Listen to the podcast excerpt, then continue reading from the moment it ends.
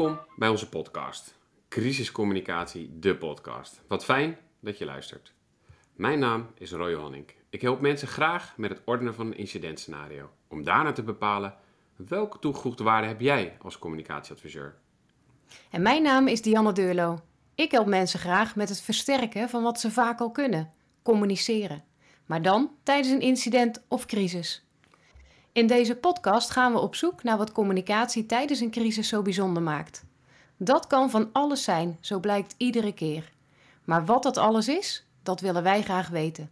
We gaan ook in dit tweede seizoen weer in gesprek met verschillende collega's uit het veld. En wij hebben al van deze gesprekken geleerd. En we hopen ook dat jullie dat gaan doen. Vergeet je niet te abonneren op onze podcast. Veel luister- en leerplezier. We gaan vandaag in gesprek met Katelijne Jansen. Katelijne is organisatie- en communicatieadviseur. Ze heeft ruim 50 organisaties met uiteenlopende vraagstukken op het gebied van accountability mogen adviseren en begeleiden. Doen we de goede dingen en doen we ze goed, staat daarbij centraal. Ze heeft ook een aantal werk- en onderzoeksmethoden ontwikkeld waarmee de communicatieadviseur verantwoordelijkheid kan nemen en verantwoording kan afleggen over de keuzes in communicatie op het gebied van richten, inrichten en verrichten. Deze zijn onderdeel van de accountability cyclus. Daarover gaan we straks meer horen. Katelijne geeft ook les bij bedrijven en heeft diverse boeken geschreven. Ja, Katelijne, de accountability cyclus. Um, wat is het precies? Kun je ons meenemen? Ja, uh, nou, goedemiddag. Bedankt voor de uitnodiging in ieder geval om te beginnen. En uh, ja, je valt gelijk met de deur in huis. De accountability cyclus is uh, goed om uit te leggen. Maar ik denk dat het handig is om eerst ook even toe te lichten wat dan accountability is. Ik merk in de praktijk dat toch bij communicatieprofessionals soms nog onduidelijk is wat zo'n plastic woord als accountability, waarbij we juist zo concreet willen zijn, nog wat vragen oproept. Dus nou, misschien is het goed om even toe te lichten wat je in de inleiding ook zei. Hè? Accountability gaat eigenlijk over ja, uh, verantwoordelijkheid. Dus uh, aan de ene kant uh, leg je verantwoording af. Dat is eigenlijk de betekenis van accountability die we het beste kennen. Hè? Verantwoording afleggen aan een ander. maar minstens net zo belangrijk is dat je ook als communicatieprofessional verantwoordelijkheid neemt. En dan niet alleen hè, voor je activiteiten en je producten en je middelen, maar vooral ook voor de keuzes die je maakt en uh, de beslissingen die je neemt. Nou, als je dan gaat kijken naar wat is de accountability cyclus, uh, dan is dat feitelijk een hulpmiddel om uh, nou, de goede dingen goed te doen. Want daar gaat het over. Hè? doen we de goede dingen en doen we ze goed in communicatie? als jij niet de behoefte hebt of, of, of, de urge om te verbeteren, ja, dan hoef je ook niet met accountability aan de slag. Het gaat natuurlijk eigenlijk alleen maar over verbeteren enzovoort. Nou, over die accountability cyclus. Um, die gaat eigenlijk uit van de PDCA-cyclus. En die is bij de meeste mensen wel bekend. Hè? Mhm. Plan, Do, Check, Act. Uh, natuurlijk bij uitstek bedoeld om uh, verbeteringen door te voeren. En die is dus ook vertaald naar, uh, naar het communicatievakgebied. En ja, jullie podcast gaan natuurlijk over crisiscommunicatie. Maar wat ik eerder genodigden ook al heb horen zeggen, is uh, ja, heel veel van die uitgangspunten gelden natuurlijk voor heel communicatie. Hè. Dat is communicatie breed. Dat is in de brede zin van ons vakgebied. Uh, dus dat geldt eigenlijk ook voor die verbetercyclus. En als je dan kijkt naar de accountability cyclus voor communicatie. Uh, dan gaat plannen vooral over waar richt je nou je communicatie op? Dus je kan je zo voorstellen hè, dat je organisatie uh, bepaalde doelstellingen heeft. Uh, ik hoorde Renata Verloop bijvoorbeeld ook uh, over het coalitieakkoord voor een gemeente. er zijn allerlei uitgangspunten waar een organisatie iets mee wil, waar communicatie aan kan bijdragen.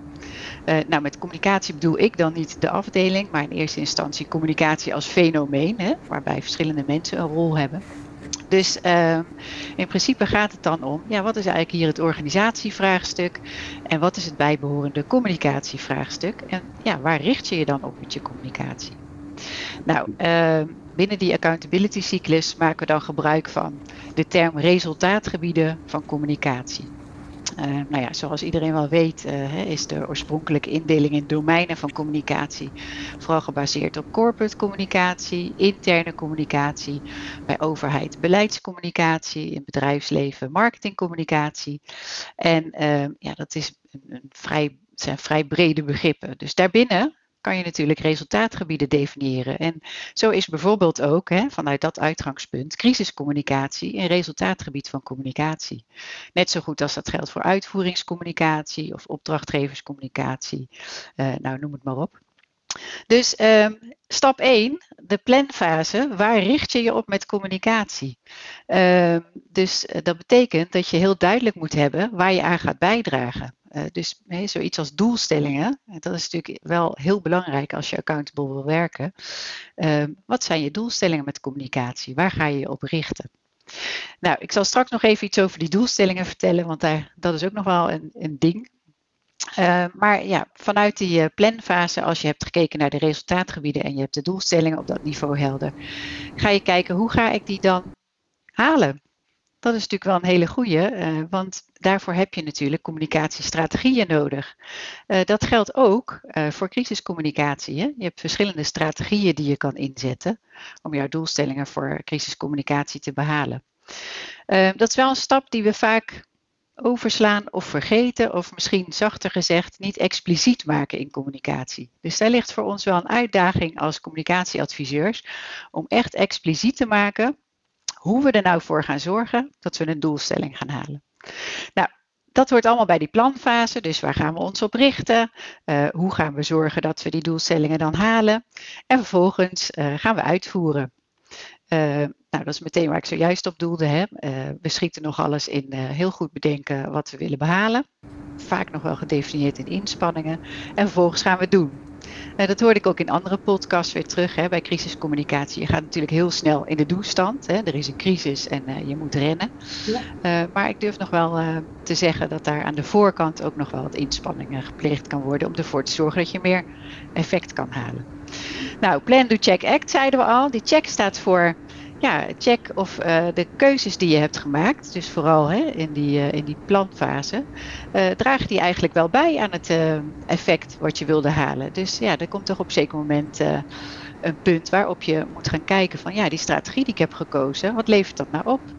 En ook een spannende is, het kan ook zo zijn dat de doelstellingen in de tussentijd veranderd zijn. Hm. Ook bij crisiscommunicatie. Hè? En, ja, van uh, vroeger uit hè, bedachten we, nou, we, beginnen hier met onze communicatie, dat moet het opleveren als een soort lineair traject. Nou, inmiddels zijn we er achter dat je heel veel moet bijsturen in de tussentijd en niet in de laatste plaats, omdat die doelstellingen nog wel eens veranderen. Uh, anders krijg je zoiets als hè, operatie geslaagd en patiënt overleden. Dat is natuurlijk niet het effect wat je, wat je wil hebben. Nou, de actfase tenslotte. Als je die checkfase hebt gehad en een crisiscommunicatie is dat natuurlijk ook vaak het evalueren, is het wel de bedoeling dat je op basis van je evaluaties en je onderzoeken uh, je aanpak bijstelt. Dus je kan mooi onderzoek doen. Als je daar vervolgens niks mee doet, uh, ja, dan heeft het natuurlijk vrij weinig zin. Dus plan, do, check, act. Als je die hele cyclus doorloopt, ja, dan mag je eigenlijk zeggen dat je accountable bent. En uh, het mooie is dat je soms misschien niet het gewenst effect behaalt.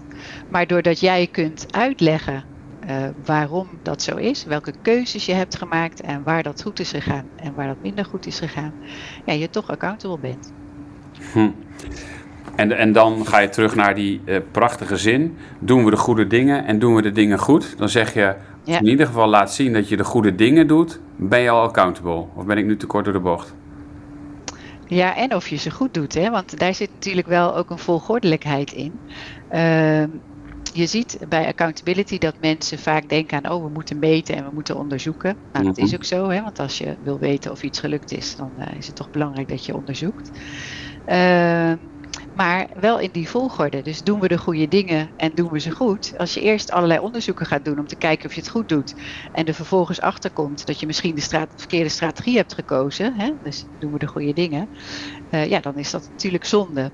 En uh, ja, het is misschien een beetje flauw om te zeggen. Hè? Je bent al accountable als je laat zien dat je de goede dingen doet. Want dat doe je door hè, ook te laten zien dat je ze goed doet, door te onderzoeken. Uh, feitelijk kan je zeggen, er zijn drie invalshoeken uh, op basis waarvan je naar accountability kijkt. En één daarvan is uh, inhoud en de andere twee zijn uh, proces en relatie. En dat zijn eigenlijk drie invalshoeken van waaruit je kan zeggen, nou als je die goed geadresseerd hebt, dan draagt dat bij een accountability. Voorbeeld wat ik net gaf, ja. van die accountability cyclus, gaat natuurlijk heel erg over de inhoud. Ja. je krijgt daar wel een beetje proces bij doordat je zegt, nou volg deze stappen, plan, Mhm. do, check, act. Maar proces gaat natuurlijk ook over, eh, ja, waar begin je? Eh, wie is de opdrachtgever? Wat is er aan de hand? En al die stapjes die zorgen dat jij de juiste keuzes kan maken, dat je die ook hebt ingericht. Dat er bepaalde randvoorwaarden zijn waar je aan voldoet om überhaupt accountable te kunnen werken. Maar ze zitten En die derde, eh, oh, niet dus sorry. altijd aan elkaar gekoppeld. Ehm, Ja. Want anders kan je ook namelijk zeggen... eh, we gaan een, eh, in het kader van de kiesbeheersing... en dat, dat, dat zien wij veel... dus we moeten af en toe eh, naar elkaar knikken en grinniken als jij aan het praten bent. Dus dat, is, dat ziet de luisteraar natuurlijk niet. Maar ehm, is, is dat het dus ook gaat over... nou, we hebben persconferentie bedacht. Burgemeester, goed verhaal. Eh, gewoon inhoudelijk... Weet je, klopt het bij wijze van spreken ook nog... Eh, of nee, zeg maar, het proces klopt. Dus we hebben een persconferentie. Alles klopt in de persconferentie. De microfoons staan klaar. Het geluid is goed. Ga maar door. Maar als je kijkt naar of de persconferentie past in de context van de situatie. Dan denk je, jeetje mina. Ja, dan doe je niet de goede dingen misschien. Ja. Maar je hebt het ding wel goed gedaan. Is, dus, Ja. dus je moet altijd één en twee doen. Je moet de goede dingen doen bij accountability. En die dingen moeten goed zijn. Dat is wat je zegt. Precies, precies. Oké. En daarbij speelt de relatie ook nog een rol. Maar eigenlijk wat je zegt, eh, Roy, dat is eh, precies eh, hetgeen wat eh, vaak misgaat als je accountable wil zijn. Hè? Je hebt goede bedoelingen, je gaat nadenken vanuit de inspanning, vanuit de activiteiten en de producten. Eh, maar wat je eigenlijk moet doen is uitgaan van het effect. Wat is nou eigenlijk het gewenst effect wat ik wil bereiken? Dus je gaat ehm, nadenken over, er moet iets gebeuren in deze fase van de crisis. Dat kan van alles zijn in het begin, het kan een calamiteit zijn, het kan iets acuut zijn. eh, misschien zit je al in de nafase, maar eh, daar moet je je van bewust zijn natuurlijk. Maar ook, wat wil ik bereiken? Dus als jij eh, bedacht hebt wat het gewenst effect is, bijvoorbeeld dat hè, burgers iets weten, of dat weer burgers iets begrijpen, of dat ze er positief tegenover staan, welke doelstelling je ook kan hebben. Ehm, dan ga je vervolgens bedenken welke strategie kies ik dan? Nou, natuurlijk bij crisiscommunicatie hè, zit daar vaak een mediastrategie bij, is ook een van de dingen die je moet regelen. Eh, maar de vraag is wel, wat is nou het gewenste effect daarvan bij die verschillende doelgroepen die ik heb? En dat vond ik wel heel mooi. Ik hoorde dat in de podcast van Jan Bluizen. Die had het bijvoorbeeld over situationeel communiceren. Dat heeft daar natuurlijk ook alles mee te maken. Hè? Want eh, je kan in zo'n persconferentie natuurlijk een boodschap gaan brengen. Eh, maar ja, heb je het dan over massacommunicatie, wat erg past bij mensen die eh, ja, niet actief op zoek zijn naar informatie? Hè? Of ja, heb, je, heb je het over, nee, we willen juist een bepaalde doelgroep via de pers bereiken. Dus feitelijk is het kiezen voor een persconferentie al een strategie. Mhm. En wat ik wel merk in de praktijk is dat we heel erg geneigd zijn om gewoon naar onze standaard middelen te grijpen, hè? naar onze standaard strategieën. En eh, nou ja, dat kan, maar dat wil niet zeggen dat dat natuurlijk het meest effectief is. En eh, nou ja, dat is eh, natuurlijk een mooi eh, iets om te onderzoeken voor je organisatie. Eh, wat jij net zei, hè, is dit dan, doen we de goede dingen, doen we ze goed? Eh, daarbij gaf ik aan dat die relatie ook heel erg belangrijk is. En met relatie gaat het ja, aan de ene kant ook over hè, de afstemming met je opdrachtgever, als je het hebt over communicatie in brede zin. Maar aan de andere kant is er ook nog zoiets moois als eh, breinvoorkeuren. En eh, nou ja, er zijn eh, een heleboel sprekers die daar nog veel meer over kunnen vertellen. Ik geef bijvoorbeeld ook vaak les met Gonda Duivenvoorde, die, die doet daar ook veel mee. En ehm, iemands breinvoorkeur is ook weer heel erg belangrijk voor de manier waarop hij informatie tot zich neemt. Dus je kunt eh, mensen hebben met een linkerbreinvoorkeur die heel analytisch zijn en eh, zich baseren op dat wat we zeker weten uit onderzoek, eh, gestructureerd zijn, eh, behoudend zijn. Hè? En aan de andere kant heb je de rechterbreinvoorkeuren die veel meer gericht zijn op de toekomst, af en toe eens wat risico nemen, persoonlijk contact heel belangrijk vinden, heel erg in beelden denken in plaats van rijtjes met feiten. Ehm, nou ja, daar zit natuurlijk een verschil tussen. En ik vond een mooi voorbeeld bijvoorbeeld. Ja, corona is al zo vaak genoemd, maar ik weet niet of jullie nog kunnen herinneren dat op een gegeven moment eh, eh, de nieuwe minister in beeld kwam en die had ineens een, eh, een PowerPoint-presentatie naast zich staan. Ja. En dat was echt een moment waarop ik dacht: oh, wacht eens even, daar is een communicatieadviseur of een afdeling geweest die heeft nagedacht over wat is nou het effect van zo'n persconferentie op hè, de mensen die kijken. Eh, nou is de vraag of dit de, juiste, juiste manier was. Maar dat heeft er wel mee te maken dat je echt denkt: wie heb ik voor me? Wat wil ik daar bereiken? En hoe is ook die relatie tussen mijn organisatie en diegene? Wat is een breinvoorkeur? Hoe kan ik hem aanspreken? Hoe kan ik zorgen dat die communicatie weer effectief wordt? Nou, lang verhaal kort te maken, inhoud, proces, relatie zijn dus alle drie, uh, alle drie heel belangrijk daarin. Ik ga voordat Janne die, die springt, die staat naast me om de vraag te stellen. Oh, sorry, ik ga me heel even onderbreken, Diana. ik, heb, ik hoor dus eigenlijk, doen we de goede dingen? En mhm. doen we de dingen goed? Maar ook misschien door de goede personen en voor de goede personen. Ja, dat is natuurlijk een hele mooie. Ja. Kijk, ik ga er al vanuit dat je hè, ehm, voor het eh, effect je richt op, uh, op een bepaalde doelgroep en op verschillende doelgroepen. Want hè, het, afhankelijk van het effect wat je wil bij zo'n doelgroep, uh, pas je natuurlijk je strategie aan. En um, ja, weet je, je ziet dat ook bij veel um, organisaties uit de keten. Hè? Uh, bijvoorbeeld als je kijkt naar uh, de politie en je hebt daar voorbeelden van, nou, bijvoorbeeld groepen jongeren die vervelend doen met oud en nieuw, als het gaat om vuurwerk gooien enzovoort. Politie staat altijd in de eerste ring. Hè? Ehm, ten eerste zijn zij degene op wie gegooid wordt, helaas. vervolgens zijn zij ook degene die de brandweer en de ambulance moeten beschermen. Daar staan ze ook weer omheen. Dus dat is voor uh, ja, politiemensen natuurlijk een verschrikkelijke uh, ja, aanslag op hunzelf. En dan wil je toch ook gaan kijken naar ja, waar zitten die mensen? Waar, waar, waar, wat voor haarden zijn er van vuurwerkgooiers bijvoorbeeld? Dat zijn allemaal dingen uh, die je kan onderzoeken. En dan zal je zien dat in sommige gebieden het heel goed werkt. Als je bijvoorbeeld kiest voor een via de band strategie, waarbij je zegt, nou via de wijkagent of via iemand die in de, een buurtvader of uh, via ouders kunnen wij uh, invloed hebben op het gedrag van de jongeren.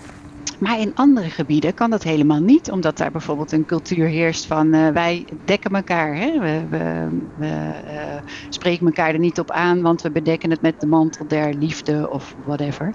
Dus um, dit is een voorbeeld van de politie, maar dat geldt natuurlijk altijd. Hè? Op het moment dat jij goed in de gaten hebt bij wie wil ik wat bereiken, en daarbij ook wat is dat dan, maak je hele andere keuzes.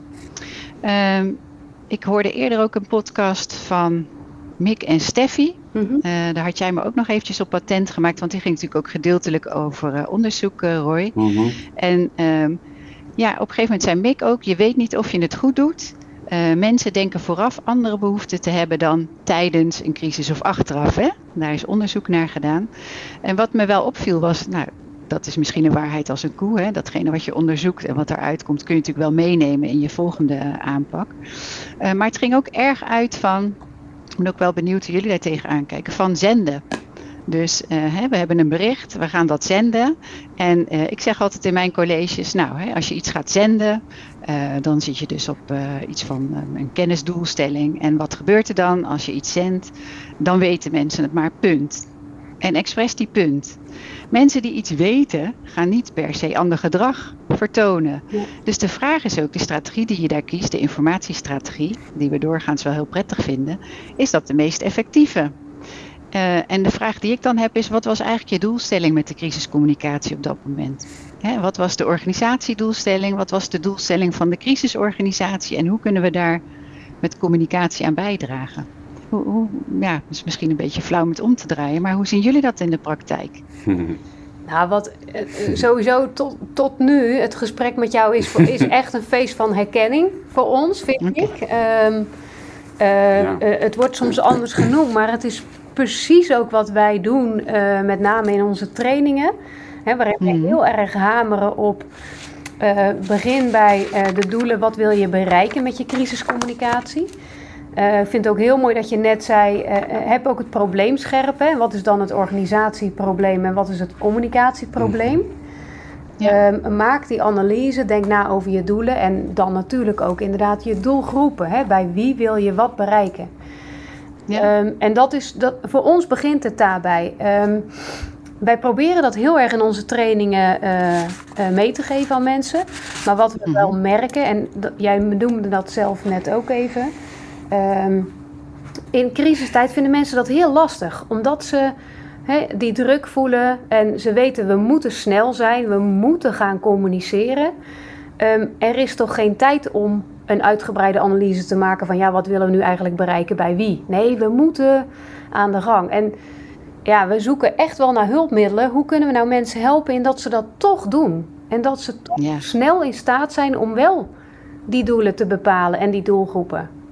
Ja, nou, dat is mooi dat je dat zegt. Ik heb uh, vorige week een, uh, een, training gegeven in de communicatie D-opleiding. Daar zit ook accountability in. En daar zat iemand bij van de veiligheidsregio Gelderland-Zuid. Mm -hmm. En uh, nou, wij zaten wat te kletsen tijdens uh, de lunch. En nou, toen waren we halverwege het college. En toen zei ze, er zijn bij mij al zoveel kwartjes gevallen. Uh, ik zeg, nou, vertel, uh, dat is natuurlijk leuk om te horen. Ja, zegt ze, als je kijkt naar wat wij doen, is eigenlijk precies het probleem wat jij schetst, beginnen we eigenlijk veel te laat. Dus um, wat we zouden kunnen doen op basis van jouw verhaal, is dat we, sluit ik me ook weer eventjes aan bij um, kijk, Jan Bluizen, die, uh, van de KNVB natuurlijk, die zegt, ja, wij zijn heel erg aan het scenario denken. En scenario denken, daar ligt denk ik ja, een, een deel van de sleutel. Um, heel veel crisis en rampen hebben natuurlijk toch dezelfde uitgangspunten. Daar gebeurt iets met mensen in een bepaalde omgeving. Dat kunnen wel verschillende dingen zijn. Uh, maar als jij van tevoren al wat voorsorteert op... hé, hey, wacht eens even, als dit aan de hand is... Hè, de ene ramp is de andere niet. Dus uh, of iets in de fik staat is natuurlijk nog wat anders... dan hè, dat er ineens een, een ziekte-epidemie over het land gaat. Um, wat, wat, zijn dan uh, de doelstellingen die wij hebben als organisatie? Wat is het vraagstuk? Om weer even terug te komen op corona. Uh, hebben we wel genoeg mensen in de zorg? Hebben we wel genoeg vaccins? Hebben we wel dit? Hebben we wel dat? Um, van daaruit ga je natuurlijk terugredeneren. Wat is het organisatievraagstuk? En wat kan je dan met communicatie daaraan bijdragen? In plaats van gelijk allerlei boodschappen de wereld in te sturen. Want ook dat weten we, hè, ook in crisiscommunicatie. Tuurlijk moet je snel hè, uh, acteren op het moment uh, dat er een crisis is. Maar je gaat niet gelijk al uh, alles over mensen uitstorten. Hè. De eerste informatie is toch gewoon die op dat moment bepalend is. Kijk, en, en die fasering kan je natuurlijk van tevoren al op iedere type crisis uh, loslaten. En heel eerlijk gezegd heb ik dat ook al eens gedaan bij verschillende uh, veiligheidsregio's. En dan beginnen we eerlijk gezegd ook niet bij communicatie. Dan beginnen we echt bij de veiligheidsregio zelf. Hè. Dus waar sta je voor? Um, hoe zit het met uh, de crisisbeheer? Beheersing en rampenbestrijding. En dan zie je dat toch altijd neerkomt op, ja, je hebt een fase van inventarisatie en analyse, hè, je risicoanalyse. Je hebt een fase van ontwikkeling, waarin ook je, je auto of je moto uh, een rol speelt natuurlijk. Uh, je planvorming. Dan heb je de echte uitvoering. Als je even kijkt vanuit organisatieperspectief. En vervolgens heeft de evaluatie natuurlijk ook een hele belangrijke plaats hè, voor alle ketenpartners. Het is natuurlijk heel mooi om als communicatie ook na te denken over wat is de rol van communicatie uh, binnen die vier kwadranten. Want die is iedere keer weer anders. Je hebt iedere keer andere stakeholders. En daarbij moet je ook niet blind staren op ja, hoe was het altijd. Heel vaak is accountable denken gewoon logisch nadenken. Mm. Uh, nu zegt misschien iets geks, maar als je kijkt naar hè, um, de inspectie waar die uh, veiligheidsregio's op beoordeelt, dan gaat het bijvoorbeeld over de omgeving en dan hebben zij het um, over burgers en ze hebben het over bedrijven. Maar bijvoorbeeld maatschappelijke organisaties, dat komt nergens voor. Dus als je daar geen aandacht aan besteedt volgens de inspectie, zou je alsnog een plusje krijgen. Dat is best wel gek. Hè? Kijk naar elke gemeente. Die heeft die drie doelgroepen als onderscheidende doelgroepen bij uh, nou ja, alles wat ze doen, maar zeker ook in crisistijd natuurlijk. Uh, juist omdat die maatschappelijke organisaties vaak ook nog weer een, rol of een functie hebben in de crisis. Dus er zijn er heel veel zaken waarvan je denkt, ja, laat ik nou eens goed aan de voorkant denken. Wat zijn de meest voorkomende crisis? Hè? Je hebt natuurlijk een onderscheid tussen uh, statische risico's en uh, dynamische risico's. Dus, hè, dus zeker die statische, daar kan je best wel op anticiperen. Er is altijd wel iets wat uh, weer veel voorkomt als, als, als crisis. En er zijn ook onverwachte crises. Dus um, zeker die eerste, daar kan je natuurlijk redelijk op voorsorteren. Ook op basis van hetgeen je al hebt geleerd op eerdere crisis. Hè, als je echt mooi die PDCA rondloopt. Ja. Dus... Uh, nou ja, dat. nou, wat je, de opdracht die we, we schrijven mee als een dolle hier, dat ziet, uh, dat ziet, dat ziet de rest natuurlijk ook weer niet. Uh, maar dat richten, inrichten en verrichten wat je gebruikte, dat, uh, dat is eigenlijk ja. uit het procesmanagement, die, die gedachte, en uit organisatiemanagement. Eigenlijk zeg je dus, het richten gaat over het, over het schetsen van de doelen die je wil behalen. Die doelen wil je behalen en zo gebruik ik, in het boek wat we bezig zijn met, met, met z'n tweeën, gebruiken wij dat om eigenlijk uit de probleem, uit de risicovolle situatie, daar moet een doelstelling uit voortvloeien waar je als communicatie een bijdrage aan kan leveren. Ja, ja. en inderdaad, wat je zegt, als je dat dan 1, 2, 3 keer doet. ehm, en, en we doen bijvoorbeeld een opdracht. Maak alle. Bedenk de vragen die er zijn. Dan komen de, komt de groep erachter. Huh, 80% van de vragen zijn gewoon elke keer hetzelfde. En de specificering ligt hem dan in het probleem. Maar goh, ja, als ik dat al kan, dan kan ik ook wel de stappen daarna. De doelgroepen worden dan ook specifieker naarmate naar waar het incident zich voordoet in de omgeving. En welke doelgroepen Ja. zijn daar. En dan wordt de strategie wordt dan ook makkelijker om daar voor te borduren. In plaats van, nou, wat we vanochtend bijvoorbeeld hadden. Dan wordt bijvoorbeeld, de doel is onrust verminderen. De strategie is dan informatie Ja. geven. Ja, weet je, dan Ja. blijft het nog vaag. Ja, nou, ik zal jullie eens een tip geven. Ehm, hij, komt, hij komt eigenlijk vanuit defensie, maar eh, als je kijkt naar wat wij vanuit communicatie doen, is heel vaak de waarom-vraag stellen. Hè? Dus we proberen de verbinding te leggen tussen het richten, inrichten, verrichten en dan vragen we vijf keer waarom. Nou, vanuit defensie zeiden ze natuurlijk vanuit vroeger al, hè, de komma want. Eh, ik heb daar de komma zodat van gemaakt. Eh, dat bekt net iets lekkerder. Op het moment dat jij bepaalde keuzes maakt ehm, en je vraagt je af wat is hier de komma zodat, dan kom jij vanzelf op het goede niveau van het effect wat je wil bereiken. Dus als je zegt ehm, zodat het moet iets zijn met veiligheid, als ik vraag zodat, dan moet, hem, dan moet jij hem specifiek maken. Dus met andere woorden, in plaats van te vragen naar waarom en jou onder druk te zetten om allerlei dingen uit het verleden op te rakelen en eh, hè, allerlei argumenten te, te verzinnen of te onderzoeken, kun je ook gaan eh, denken, hey, ik zet de anderen eens aan het werk. Wat is eigenlijk jouw komma zodat? Dat is eigenlijk een heel leuk. We kunnen hem wel eens doen als je hem leuk vindt. Heb, je, heb jij een doelstelling? Waarvan je zegt, nou, dit is uit mijn praktijk er eentje. Nee, ja, ik heb al in mijn hoofd. Ik was vorige week bij een ziekenhuis en ehm, ik vroeg dat ook. Ze zei van ja, wat we willen is inderdaad eh, de onrust eh, onder onze patiënten verminderen. En we zijn bang bij dat incident, want er liggen bommen in het ziekenhuis. Dat was de casus. En we willen de communicatie vormgeven en vooral de onrust verminderen. En, en dat ze niet slachtoffer worden van die mogelijke bommen. Mhm. Dat willen we, zeiden ze. Ja, Dus dat is dan hun doelstelling, twee doelstellingen. Ja. En toen vroeg ik ook, Ja. ik vroeg niet zo dat, ik vrog waarom. Waarom? Inderdaad. ja precies. Ja. Ja, ik vroeg waarom. Ja. En toen zei ze, hoe bedoel je? Dat is toch genoeg? Ik zei, nee, maar waarom doe je dat nou? Ja. En toen zei ze van, ja, eh, omdat patiënten voor ons en de patiëntveiligheid ons primaire belang is en dat we daarvoor gaan. De patiënt staat altijd voorop, zeiden ze toen. Mhm. Dus dat is waar we het doen. Of Ja. is het nog niet specifiek genoeg? Ja, nou ja, kijk, ze noemt dan één van de dingen op. En het mooie is, als jij de komma zodat pakt, hè, dan kom je uiteindelijk natuurlijk uit op het hoogste niveau. Van waar, waar moet dit nou allemaal aan bijdragen? En het mooie is dat eh, door die komma zodat erin te gooien, eh, zie je ook dat soms hele vage doelstellingen best concreet gemaakt eh, kunnen worden. En ehm, als ik bijvoorbeeld een groep begeleid en ehm, nou, pak een, eh, een waterschap en ik zeg wat is nou eigenlijk het primair proces van het waterschap? Hè? Want ik heb dan de bedoeling dat ik organisatiedoelstellingen eruit ga halen en ze laat zien van boven naar beneden hoe die logica gaat. Nou, dan eh, wordt er gezegd wij zorgen voor droge voeten. Ik denk, wauw, we zorgen voor droge voeten. Eh, dan ben je echt een heel eind weg van concreet zijn hè, en eh, een uitgangspunt hebben waar wie dan ook welke, ehm, eh, welke discipline dan ook aan kan bijdragen. Dus je zult dat moeten afpellen. Andersom, als iemand aan jouw bureau staat van ik wil een folder, of ik wil een filmpje, of ik wil een podcast, dan werkt die heel lekker. Hè? Dan zeg je zodat. Ja. Nou, dan moeten mensen gaan nadenken. Jij wil bijvoorbeeld een podcast nu, zodat?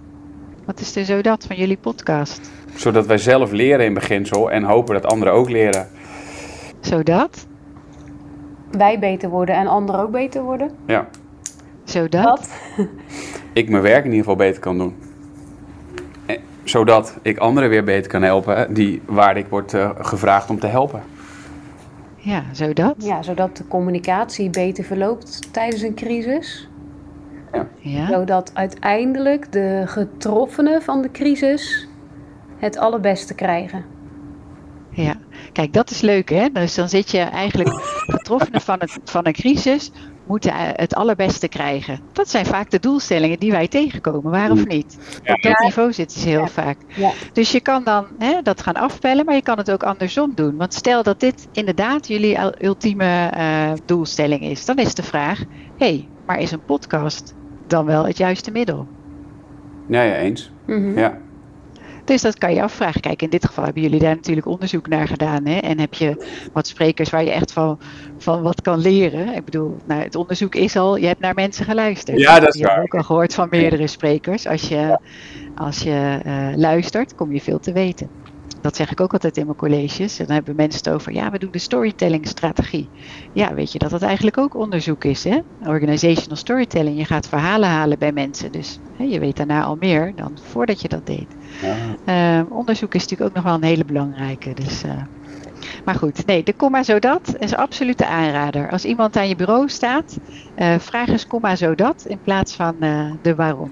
Nou, ik zit daar nog heel erg over na te denken, want jij zei net eerder van uiteindelijk wil je natuurlijk dat je communicatie een bepaald effect heeft. Hè? Dat woord effect, doelen. Um, als je dan, komma zodat, dan als je dat gaat formuleren, dan, dan moet je wel dat effect duidelijk maken. Precies. Uh, ja. Maar dan ga ik daar nog even op door en dan denk ik dat effect.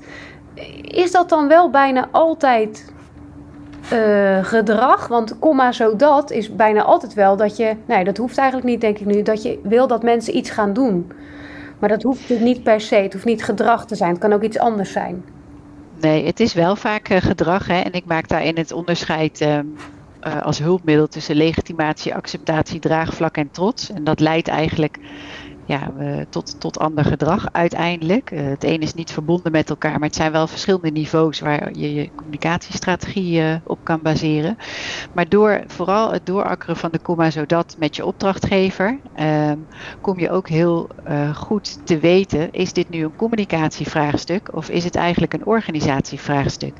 En ik denk dat we daar uh, heel veel baat bij hebben als communicatieprofessionals. Omdat je soms merkt dat je hè, met allerlei middelen uh, probeert een bepaald effect te bereiken, wat uiteindelijk een organisatie-effect is.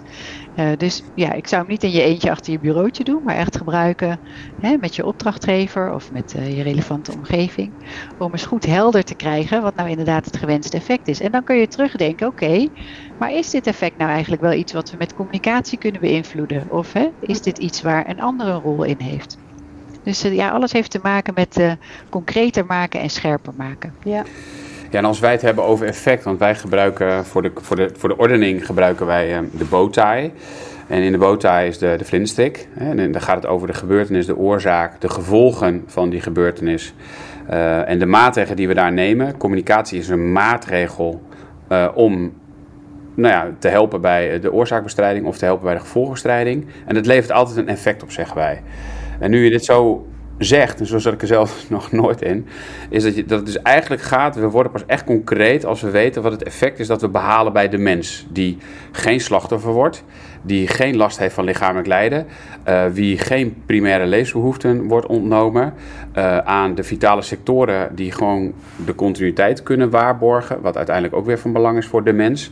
Er is geen schade aan het milieu, er is geen schade aan de natuur. Altijd zal bijna daar het effect over gaan. Of is dat ook weer te plat nu? Nee, ja, dat, dat hangt af van de gradatie van je doelstelling. In eerste instantie gaat het natuurlijk om de mens. Want het is natuurlijk uh, ja, een aparte gedachte om te denken dat je met communicatie die effecten waar jij het nu over hebt uh, hè, kan beïnvloeden. De vraag is ook even, wat bedoel je met communicatie? Gaat dit er weer over het sturen van boodschappen? Want in feite, al die verschillende doelgroepen die je hebt, uh, ja, die zijn ook gevoelig voor verschillende typen uh, communicatiestrategieën. En mooi, uh, dan moet je ook maar eens kijken, een boek van uh, Gerald Morsinkhoff en Gonda Duivenvoorde, die hebben het over effectbevorderende factoren. En daar zie je ook in dat afhankelijk van de kenmerken van jouw doelgroep, er bepaalde factoren zijn die je in jouw communicatiestrategie kunt meenemen, die ervoor zorgen dat die meer effect heeft. En dat zijn dingen over, die gaan over, nou, doe ik, is deze doelgroep gevoelig voor bijvoorbeeld gamification? Wat natuurlijk ook uh, redelijk uh, vaak gebruikt wordt hè, in jullie vakgebied? Of is deze juist gevoelig voor uh, buurten? Ga ik bij ze aan tafel zitten? Wil ik hun verhalen horen? Hè? En, gaan ze dan met me mee? Of zijn deze juist gevoelig voor nou, procesinformatie? Hè? Laat mij maar erbuiten als ik maar weet wanneer wat gebeurt, enzovoort. Um, je ziet ook dat, ja, ik heb ook nog even zitten kijken naar welke organisaties heb ik nou allemaal voor gewerkt uh, de laatste jaren, die zit ook heel vaak in de keten, uh, die natuurlijk alles te maken heeft met crisiscommunicatie. Je hebt het over Rijkswaterstaten, waterschappen, gemeenten, provincies, veiligheidsregio's, milieudiensten, omgevingsdiensten, verzekeringmaatschappijen, energieleveranciers. Het zijn natuurlijk voor jullie ook bekende, uh, bekende partijen. En die hebben allemaal weer een verschillende doelstelling in zo'n crisis. Verschillende partijen die daar weer ja, benaderd moeten worden, of in ieder geval beïnvloed moeten worden. En dat kan je niet op één hoop gooien. Natuurlijk moet je rekening houden met je fasering hè, van de crisis, want het is niet aan het begin van de crisis. Maar uiteindelijk heeft iedereen zijn eigen doelen en doelstellingen en gevolgen van een crisis. Dus uh, ja.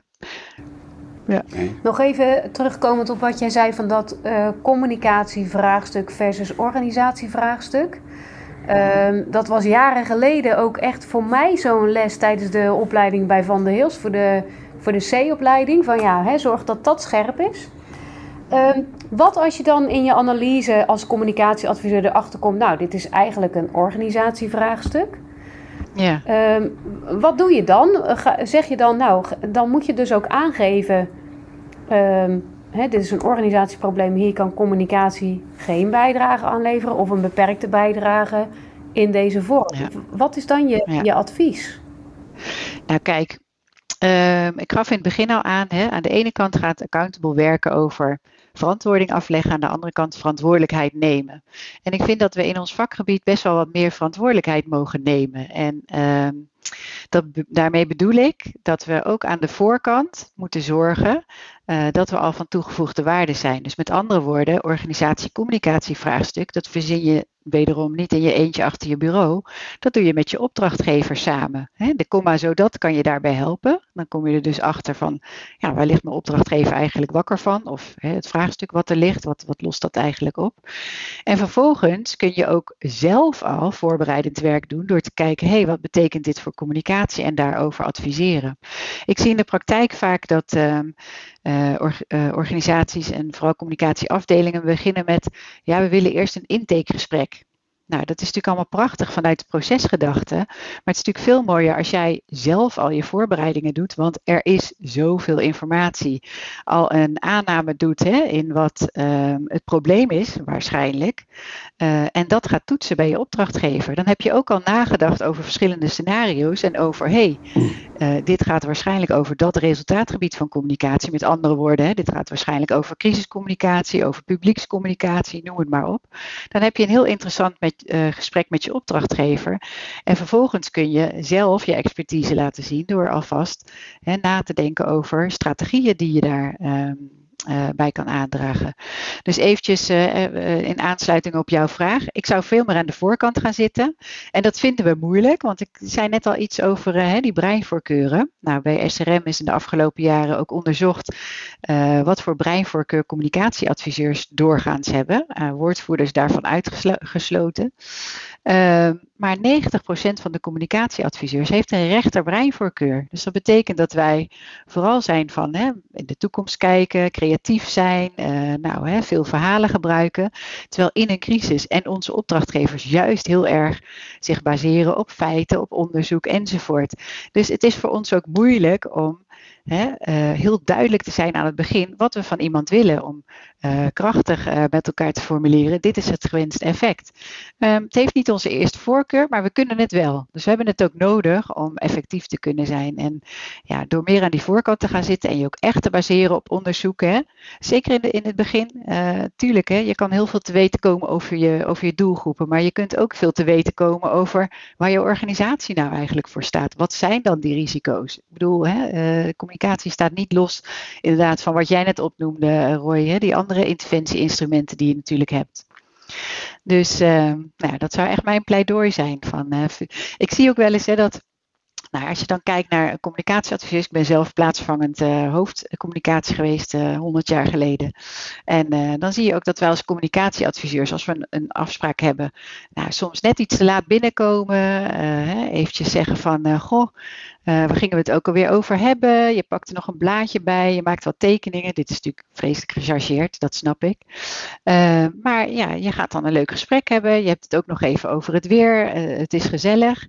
En vervolgens loop je naar buiten en je denkt: Ja, het was hartstikke leuk gesprek, maar wat hebben we nu eigenlijk afgesproken? Ik heb dat van heel veel van onze medewerkers teruggekregen. Terwijl onze opdrachtgevers zitten vaak aan die linkerkant en die willen eigenlijk het liefst van tevoren een memo met, nou, hè, dit is het probleem. Ik wil graag dat je een beslissing neemt over deze dingen. Wij adviseren dat. Nou, dan heb je een afspraak. Uh, je geeft er een klap op. Kun je het nog steeds over het weer hebben en een gezellig gesprek hebben. Maar je bent veel concreter. En op het moment dat je naar buiten loopt, uh, dan weet je ook welke aap je op je schouder hebt genomen. En of dat wel een aap is of dat het gewoon een heel logische opdracht is waar je mee weggaat. Dus dat, dat gun ik ons echt, dat we ons daar wat meer in verdiepen. Wat meer aan die voorkant gaan zitten en ook uh, ja, meer onze expertise laten zien als adviseurs en als goede vraagstellers om ook echt dat organisatie en meteen het communicatievraagstuk helder te hebben. En niet te gaan wachten op een opdracht of inderdaad hè, uh, zelf het coalitieakkoord gaan uitpluizen, dat soort dingen. Ja, en, en hoe zie je dan Um, Zo'n onderzoek naar, naar de tijd, want ik heb hem bewust daarom naar je opgestuurd van de Veiligheidsregio Limburg-Zuid. Het is een van de eerste keren dat ik eigenlijk zie uh, dat zoiets gebeurt. Hè, we gaan onderzoeken of we de goede dingen hebben gedaan en doen we de goede dingen goed.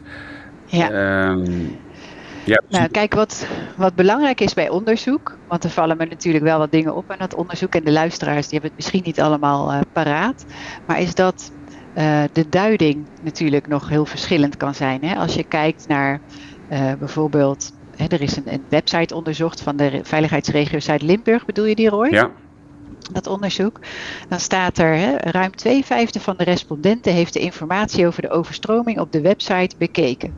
De respondenten zijn vrij positief over deze informatie. Zo geeft 68% aan dat de informatie te vinden was en 58% vond de informatie duidelijk. Volgens 45% klopte de informatie hier denk ik al bij mezelf, oh wacht even. Dat betekent dus dat volgens 55% het niet klopte. En hè, wat is dan de conclusie? Ze zijn vrij, vrij positief over de informatie. Ik, ik vind daar nog wel wat van. Hè? Ik vind het heel goed dat je onderzoek doet.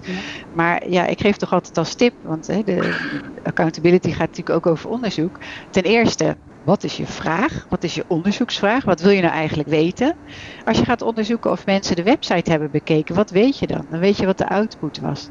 Wat je eigenlijk wil weten, denk ik, als, als veiligheidsregio is, wat is het effect geweest van onze communicatie op uh, burgers, uh, ondernemers, maatschappelijke organisaties? Zijn die iets anders gaan doen? Hè? Hebben ze andere behoeften enzovoort? Dus uh, ik vind het echt super dat we steeds meer gaan doen aan informatie, maar we moeten daar wel heel scherp zijn op wat willen we nou eigenlijk weten? En dat betekent dat ook de vragen die we stellen moeten bijdragen aan het antwoord. Ja, dat, dat ik heb, ben ik helemaal mee eens. Ja? Uh, maar dat, het maakt het ook zo lastig, omdat bij zo'n grote crisis als het hoogwater, want daar ging het onderzoek naar, ja. dat er ook heel veel partijen zijn die een bijdrage leveren in die crisiscommunicatie.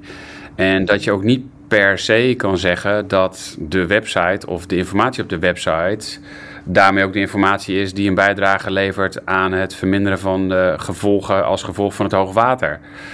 Precies. Dat, dat, ja, zover zijn ze ook niet gegaan. Dit is inderdaad output meten en nog niet. Uh... Dit is output meten. En je ziet het ook, hè, want uh, een van de eerste dingen waar je naar kijkt is hoe representatief is het. En nou, jullie weten vast veel meer van uh, wat daar gebeurd is dan ik. Ik heb natuurlijk alleen alles op tv gezien en op de radio gehoord. Lekker ouderwets.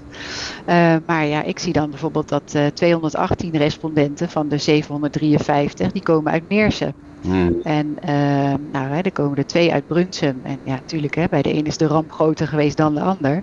Uh, maar dat weet je van tevoren niet hè, als het gaat om die informatie op de website. Dus uh, ik ben met je eens, maar dit zijn typisch dingen die je dus al kunt voorbereiden voordat er een crisis is. Want heel veel van dit soort dingen die je wil weten, het gewenste effect, als je daarover na hebt gedacht, uh, kun je natuurlijk al uh, concreet maken. Zodat je hè, op het moment dat je zo'n onderzoek gaat doen, dat moet je ook vrij snel daarna doen, anders zijn mensen al lang weer vergeten waar het over ging, uh, dat je dat kunt uitvoeren. En de vraag is, ja, waarom zou je het middel gaan onderzoeken? Ik snap het wel, als jij verantwoordelijk bent voor het middel, hè, dan wil je graag daar iets over weten, maar het zegt zo weinig. Dus ook hier is het weer, hè, wat, wat is de komma zodat? Als je dit nu weet, wat ga je de volgende keer anders doen? Dat weet je niet de open vragen zijn ook niet te herleiden, hè, of de open antwoorden, nee, uh, naar, naar de vragen daarvoor. Dus je weet niet of hè, de toelichting die iemand geeft, of dat een toelichting is op de vraag die eerder kwantitatief is gesteld. Dus weet je, ook onderzoek doen is echt een vak apart. En uh, uh, ja, nou, ik, ik, ik leer mensen ook altijd van stel alleen vragen waarvan je wat aan het antwoord hebt. misschien heel simpel gezegd. Maar... Ja, mooi. Ja, nee, ik snap dat je dat zegt. Dat, je, dat snap ik zeker. Dat snap ik zeker. Nou, het is echt zoveel stof om over na te denken. Ik zie Dianne ook uh, naast me nog, nog, schrijven. nog schrijven aan het schrijven is. Um, dat verantwoording afleggen uh, en nemen heb ik onthouden. Dat vind ik wel echt, het is natuurlijk, daar begon je mee je introductie. Wat ik het grappig vind is dat richten, inrichten, verrichten, is dat wij dat ook echt wel meer willen promoten. En daarvan zeg ik van ja, doe dat eigenlijk uh, veel meer in de, in de koude fase. Denk er eens over na, want de crisis is ook misschien van 80% uh, hetzelfde. En, en we zitten meestal in het verrichten. En dat, is ook, dat voelt als crisis ook veilig. Hè? We gaan meteen doen. Dus we zitten in het verrichten. Ja. Maar het inrichten, en dat hoor ik je zeggen, gaat deels over de strategie, maar gaat ook over de juiste mensen. En gaat ook over de juiste doelgroep. En het richten. Nou ja kijk, wat ik, wat ik aangaf was, voor mij is dit vooral het gedeelte wat ik uitlegde bij de inhoudelijke keuzes voor je communicatiestrategie. En natuurlijk gaat het inrichten vanuit de organisatiekunde ook over hè, hoe organiseer je het allemaal. Maar we hebben het nu natuurlijk over accountability van communicatie. En dan zou ik echt een pleidooi willen houden voor, ja, kijk nou ook als je je ergens op richt, een bepaald effect wil halen, hoe ga je dat doen? Niet met welk middel, maar met welke communicatiestrategie. Dat is heel uh, belangrijk. En dat is natuurlijk wat ja, verwarrend aan, uh, aan de naamgeving af en toe. Maar strategie gaat hier echt over communicatiestrategie. Ja. Um, als jij even een klein voorbeeldje nog Roy, want ik begrijp natuurlijk ook dat, dat we een keer moeten afronden. nee hoor. Maar uh, als jij een bepaald middel hebt, hè, en dat gebruik je altijd al, ik noem maar wat. En, nou, noem eens iets uit de crisiscommunicatie. Wat is een middel wat jullie vaak inzetten? Per statement? Per statement, ja. Wordt vaak in ieder geval in de oefeningen ingezet. Ja, precies. Nou, dan kan je je afvragen hè, van bij welke strategie past dat dan? Dus dat zit in je mediastrategie, maar wat wil je daarmee bereiken? Dus wat is de komma zodat? Rust in de samenleving. Uh, ja, die zit dan wel weer heel hoog, hè? Ja, vertrouwen, vertrouwen in de organisatie. Ja, nou ja, kijk, plak er eens een doelgroep bij. Bij wie wil je dat bij wie wil je dat voor elkaar krijgen? Ja, nou ja, dat is ook wat wij als eerste vragen. Als je een persstatement geeft, wat heeft mijn moeder eraan die door het incident geraakt is? Ja, niks. Precies, precies, precies. Niks. Nou, weet je, bij communicatiestrategieën kan je ook denken aan, nou, eentje die iedereen wel kent, blijkt uit de lessen, is uh, de ambassadeurstrategie bijvoorbeeld. Hè? Je zet ambassadeurs in, dat kunnen bij jullie ook, uh, uh, hè, dat kan de tweede ring weer zijn die een rol heeft in de crisiscommunicatie. Uh, die zet je in als ambassadeurs. Uh, als jij dan uh, bijvoorbeeld gaat zeggen, nou, hè, we gaan al die mensen een nieuwsbrief sturen, dan is even de vraag, past dat middel überhaupt bij die strategie? Of moet je daar wat anders gaan doen? Hetzelfde geldt natuurlijk voor een persstatement. Bij welke strategie past dat? Als je allerlei losse middelen hebt waarvan je eigenlijk de komma zodat niet meer kan maken, en je afvraagt van, oké, bij welke strategie past dat? Nou, doe het dan eens een tijdje niet. Kijk wat er gebeurt. Misschien komt er iets heel anders uh, naar boven waarvan je zegt, nou, dit missen we. Ik vind dat wij als communicatie toch wat te veel uh, in boodschappen blijven hangen. Dus hè, natuurlijk is het mooi om een kernboodschap te hebben, maar het woord zegt het al, het is een boodschap. Je gaat het zenden en uh, ja, het is, er is zoveel meer. Mooi, uh, mooi appel, ja. mooie, mooie afronding denk ik. er is zoveel meer zodat. Nou, en dan uh, vul maar in. Dus uh, de, die gaan we, ja, we, we zitten hem allebei te omcirkelen. We gaan we zeker meenemen. Want wij zijn allebei best van de waarom. Uh, Maar ik denk dat het leuk is om eens te, te, testen in trainingen. Als we dan de zodat vragen stellen. En wat dat dan oplevert. Ja. Je opdrachtgever vindt het in ieder geval leuker. Ik heb al zo vaak gehoord van, uh, dan komen ze weer met hun Adam en Eva vraag. Waarom, waarom, waarom? En door zo dat zet je hem zelf aan het werk. Dus uh, absoluut de moeite waard om te proberen. Gaan we zeker, uh, gaan we zeker uitproberen. Zeker. We sluiten hem af, want we moeten een keer afsluiten, zei je al. Maar ja. uh, we hebben nog een aantal tips van je gekregen, die zetten er ook in. En we zullen mensen ook naar verwijzen naar je boek. En volgens mij wordt het tijd voor jou om een nieuw boek te gaan schrijven of een nieuwe podcast te gaan maken. Want uh, volgens mij is er nog genoeg vanuit jou te delen. Nou, dat, uh, ik ga mijn best doen, uh, Roy. En wanneer komt die van jullie uit? Dat uh, laten we weten aan je. Dus ik kan er nu geen belofte over doen. Precies. Nou, dat zal ongeveer tegelijk zijn ja. dan. Wie weet, ja. Oké, okay. hey, graag gedaan. En jullie heel veel succes met de podcast, want daar heb ik in de voorbereiding ook heel veel van geleerd. Oh, dus, leuk. Hartstikke leuk. Super. Bedankt, Bedankt voor het luisteren. Dit was niet onze eerste en zeker niet onze laatste podcast. Laat ons horen wat je ervan vindt, met een review of een bericht daar worden wij altijd blij van. En vergeet je niet te abonneren op onze podcast. Wil je meer weten over crisiscommunicatie? Kijk dan even op crisiscommunicatieacademie.nl.